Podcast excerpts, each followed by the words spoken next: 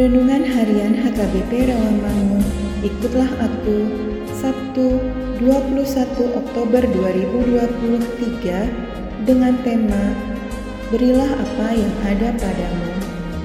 Bacaan kita pada pagi hari ini tertulis dalam 2 Korintus pasal 4 ayat 7 sampai 12.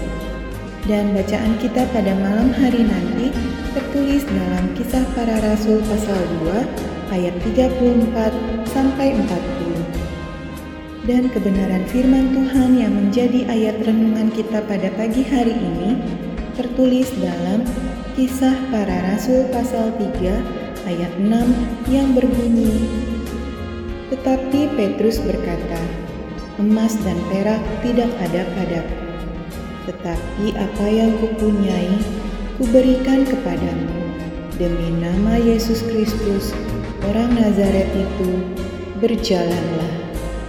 Demikian firman Tuhan. Sahabat, ikutlah aku yang dikasihi Tuhan Yesus. Hidup mengemis ternyata bukan saja merupakan realitas sosial di zaman kita, tetapi sudah terjadi sejak peradaban hidup manusia.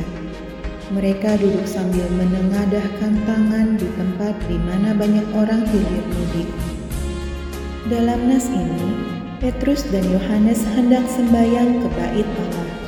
Di pintu gerbang bait Allah itu, mereka menjumpai seorang laki-laki yang lumpuh sejak lahirnya. Dia pun meminta sedekah. Petrus berkata, "Lihatlah kepada kami." Dia menatap mereka dengan harapan akan mendapat sedekah. Kata Petrus, "Emas dan perak tidak ada padaku, tetapi apa yang kupunyai kuberikan kepadamu demi nama Yesus Kristus orang Nazaret itu. Berjalanlah. Dalam kuasa Allah Petrus telah memberi yang jauh lebih besar dari uang sedekah saja. Apa itu?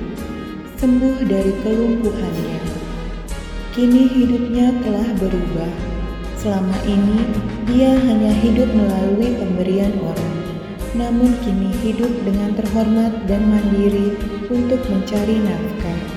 Dia juga tidak lagi harus tergantung atas kebaikan orang menghantar dia ke tempat itu, namun dia sendiri telah dapat menentukan ke mana dia melangkah. Berkat Allah sungguh melampaui terhadap apa yang kita inginkan. Mungkin orang tua kita dahulu hanya bercita-cita anak-anaknya lulus SMA. Namun, diberkati lulus sarjana bukan? Mungkin kita hanya berharap bekerja sebagai staf atau karyawan saja.